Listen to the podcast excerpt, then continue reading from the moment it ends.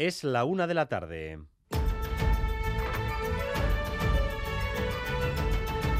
Crónica de Euskadi con Dani Álvarez. A Rachaldeón, un doble ataque contra los símbolos que recuerdan a Fernando Buesa ha removido el ánimo del país. Un ataque contra el monolito donde fue asesinado por ETA con un coche bomba junto al erchaña que le protegía, Jorge Díez Elorza, y otro con pintura y heces contra su propia tumba.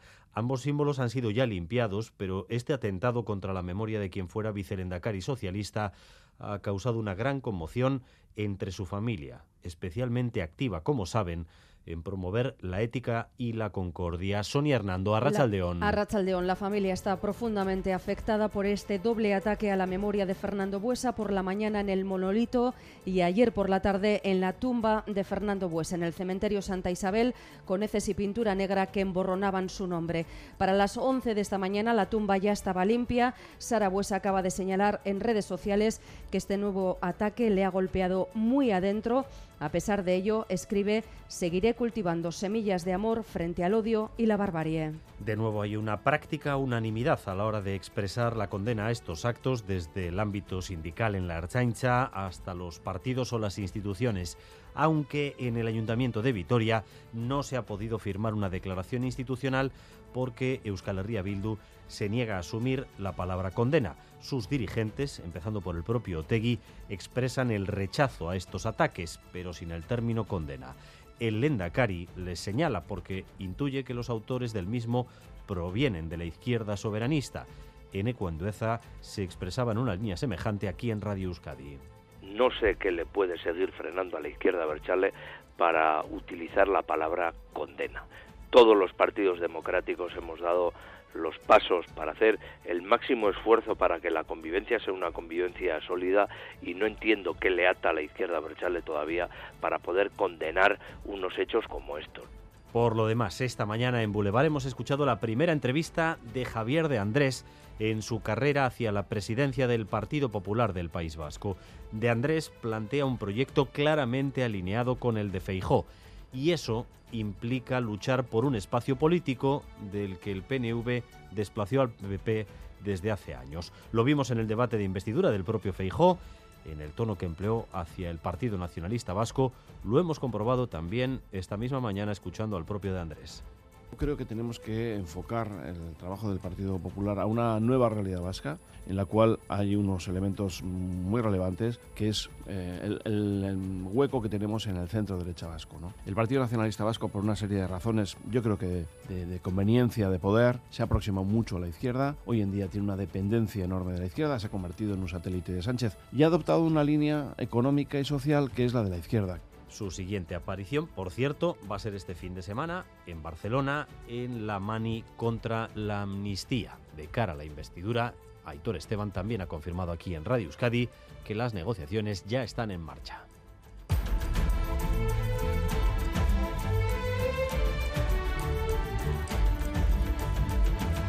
Y escuchen también a esta mujer.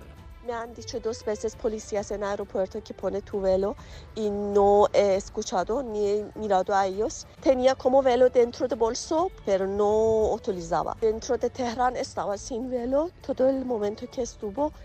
Se llama Shina, es iraní, vive en Guecho desde hace 11 años y tras el movimiento popular surgido por la muerte de Masha Amini en su país, es una de las muchas que se ha atrevido a desafiar a las autoridades, quitándose el velo en las calles y los edificios públicos. A ellas, a las mujeres iraníes, se les concede este año el Premio Nobel de la Paz. Oscar Pérez. El Nobel de la Paz reconoce la lucha en el último año de las mujeres por sus derechos en Irán. Se personaliza en Narges Mohammadi, una de sus figuras más destacadas, que lleva un año en prisión y que el Comité del Nobel reconoce el enorme coste personal que le está suponiendo. San, Sendegi, Azadi. Women, Life, Mujeres, vida, libertad, decía la portavoz del comité noruego, citando el lema en persa inglés de la lucha de las mujeres iraníes. Narges Mohammadi ha sido condenada a un total de 31 años de cárcel y 154 latigazos. Rima Sher Mohammadi es también una activista iraní afincada en Barcelona. Muy bueno, muy importante, muy necesario y me imagino la fiesta que se están pegando en la cárcel, en la prisión de mujeres en, en Evin puesto que ella está encarcelada ahí. El Nobel llega cuando se ha cumplido un año de la muerte de Mashamini y otra joven de 16 años está en coma al ser golpeada presuntamente por la policía de la moral. En Granada sigue la cumbre europea y va a centrarse en la futura ampliación, pero el asunto migratorio vuelve a interponerse y los más reaccionarios de Europa en este tema se rebelan especialmente Polonia y Hungría. Enviada especial a Maya, Portugal. La primera ministra italiana, Giorgia Meloni, introdujo el punto de la migración en el orden del día para esta informal del Consejo Europeo y desde luego en las declaraciones de entrada le ha hecho sombra al asunto de la ampliación, especialmente por el húngaro Víctor Orbán, que cuando habla no deja a nadie indiferente. Enfadado porque los 27 han acordado su postura para negociar el pacto migratorio, ignorando a Hungría y Polonia, ha llegado a decir que lo que ha hecho el Consejo es una violación política. Legally forced to accept something what you don't like, how would you like to have a compromise and agreement? Y que es imposible que lleguen jamás a un compromiso entre los Estados miembros. Italia sí apoyó la postura del pacto migratorio. Hoy Meloni y Rishi Sunak han publicado un alegato contra las embarcaciones de migrantes y las mafias, del que se ha hecho eco también la presidenta de la Comisión, Ursula von der Leyen. Padres y madres buscan un método para limitar y controlar los contenidos a los que acceden sus hijas e hijos a través de las pantallas del teléfono. De momento no hemos sido capaces de establecer pautas claras y nos debatimos entre los miedos y la presión social. Así que cada vez son más los grupos de padres que deciden pactar a qué edad se les da a sus hijos un teléfono. No se trata de prohibirlo, no se trata de no comprárselo jamás, sino de que retrasen su uso más allá de los 12 años. Estamos cuatro grupos, empezamos con 23 familias en el primer grupo y en el último cuarto que se ha creado ahora mismo hay más de 40 familias. Vamos a hacer pactos, vamos a hablar entre nosotros y vamos a intentar llegar a acuerdos para retrasar. Entonces estamos evitando que se relacionen de esa manera en la calle. No se le llame a esto prohibición, ¿no? No necesito un TikTok para contactar y comunicarme con mi hijo. Puedo utilizar un móvil de los antiguos, que, que solo valen para hacer llamadas, o los relojes estos inteligentes que también se pueden hacer llamadas, ¿no? Haciendo en grupo, tomando las decisiones en grupo, pues lo, lo estamos consiguiendo. El Arriaga estrena hoy su nueva producción propia. Se trata de la adaptación al teatro de Festen, la película del director danés Thomas Winterberg, impulsor del movimiento fílmico conocido como Dogma.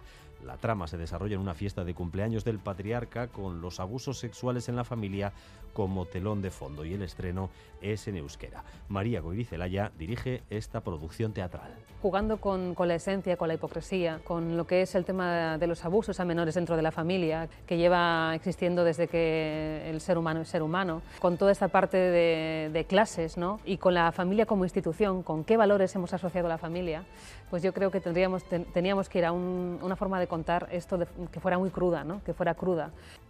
Y vamos también con lo más destacado del deporte con Álvaro Fernández Cadierno. Arrachaldeón, Álvaro. Arrachaldeón con partido de Liga en San Mamés a las 9 en la Catedral Atlética Almería. Tenemos también dos marcadores de segunda, Mirandés 1 y Bártares, Racing de Ferrol 1, Amorebieta 0 y además tres competiciones que levantan hoy el telón. Dos en baloncesto, la Euroliga comienza en el Buesa con el Vasconia Real Madrid. También la Lep Boro con el Lleida GBC y no olvidamos el 4 y medio de pelota que arranca esta noche en Ahuiz con el duelo entre Iñaki Artola y Asier Aguirre. Otro día más de verano con tiempo soleado y temperaturas que alcanzarán los 30 grados, sobre todo en el interior. Vamos ya 23 y subiendo en Donostia, Bilbao, Gasteiz o Bayona. La, la, más fresca de momento 21-22 grados de temperatura en Iruña, aunque el día ha empezado con niebla y la niebla ha obligado a que 10 operaciones hayan sido canceladas, Mayalen Galparsoro. 10 vuelos cancelados y otros 10 desviados. Para los procedentes de Madrid, Málaga, Barcelona, Londres o Manchester han sido imposible aterrizar, aterrizar esta mañana en Loyu y han sido desviados a Biarritz, Burdeos, Madrid o Barcelona. Una bruma que no dejaba ver la pista y ha creado un colapso que ha afectado a más de 2.000 pasajeros. Sobre las 11 de la mañana y con el cielo ya más despejado, ha aterrizado el primer avión del día en Loyu. Gracias un día más por elegir Radio Euskadi y Radio Vitoria para informarse. Raúl González y Yeyone Menjón se encargan de la dirección técnica, María Cereceda de la coordinación. Crónica de Euskadi con Dani Álvarez.